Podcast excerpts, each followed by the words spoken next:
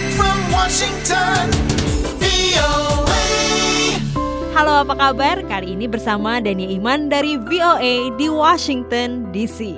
Kontes The Voice versi Amerika baru aja berakhir dengan menangnya kontestan Alison Porter dari tim mentor Christina Aguilera. Ini adalah pertama kalinya dalam sejarah The Voice versi Amerika, kontestan dari mentor sekaligus juri perempuan berhasil menang. Allison yang adalah seorang bintang cilik yang melejit lewat film Curly Sue pada tahun 1991 terlihat sangat shock dan kaget ketika namanya disebut sebagai pemenang oleh pembawa acara Carson Daly. I did not think that was gonna happen. That was not, yeah.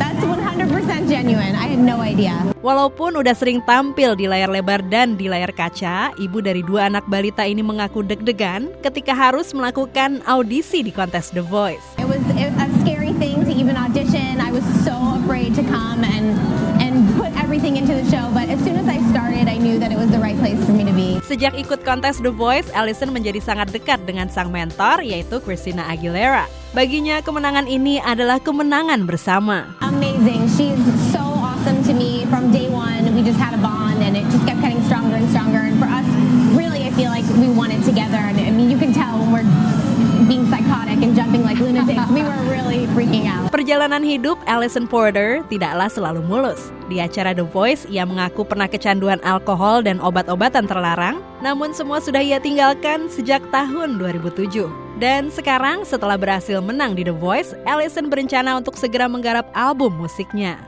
I think just uh, start to make a record and play a bunch of shows and just really do what I came to do, which is be in the music business. Dania Iman melaporkan dari VOA di Washington, D.C. VOA.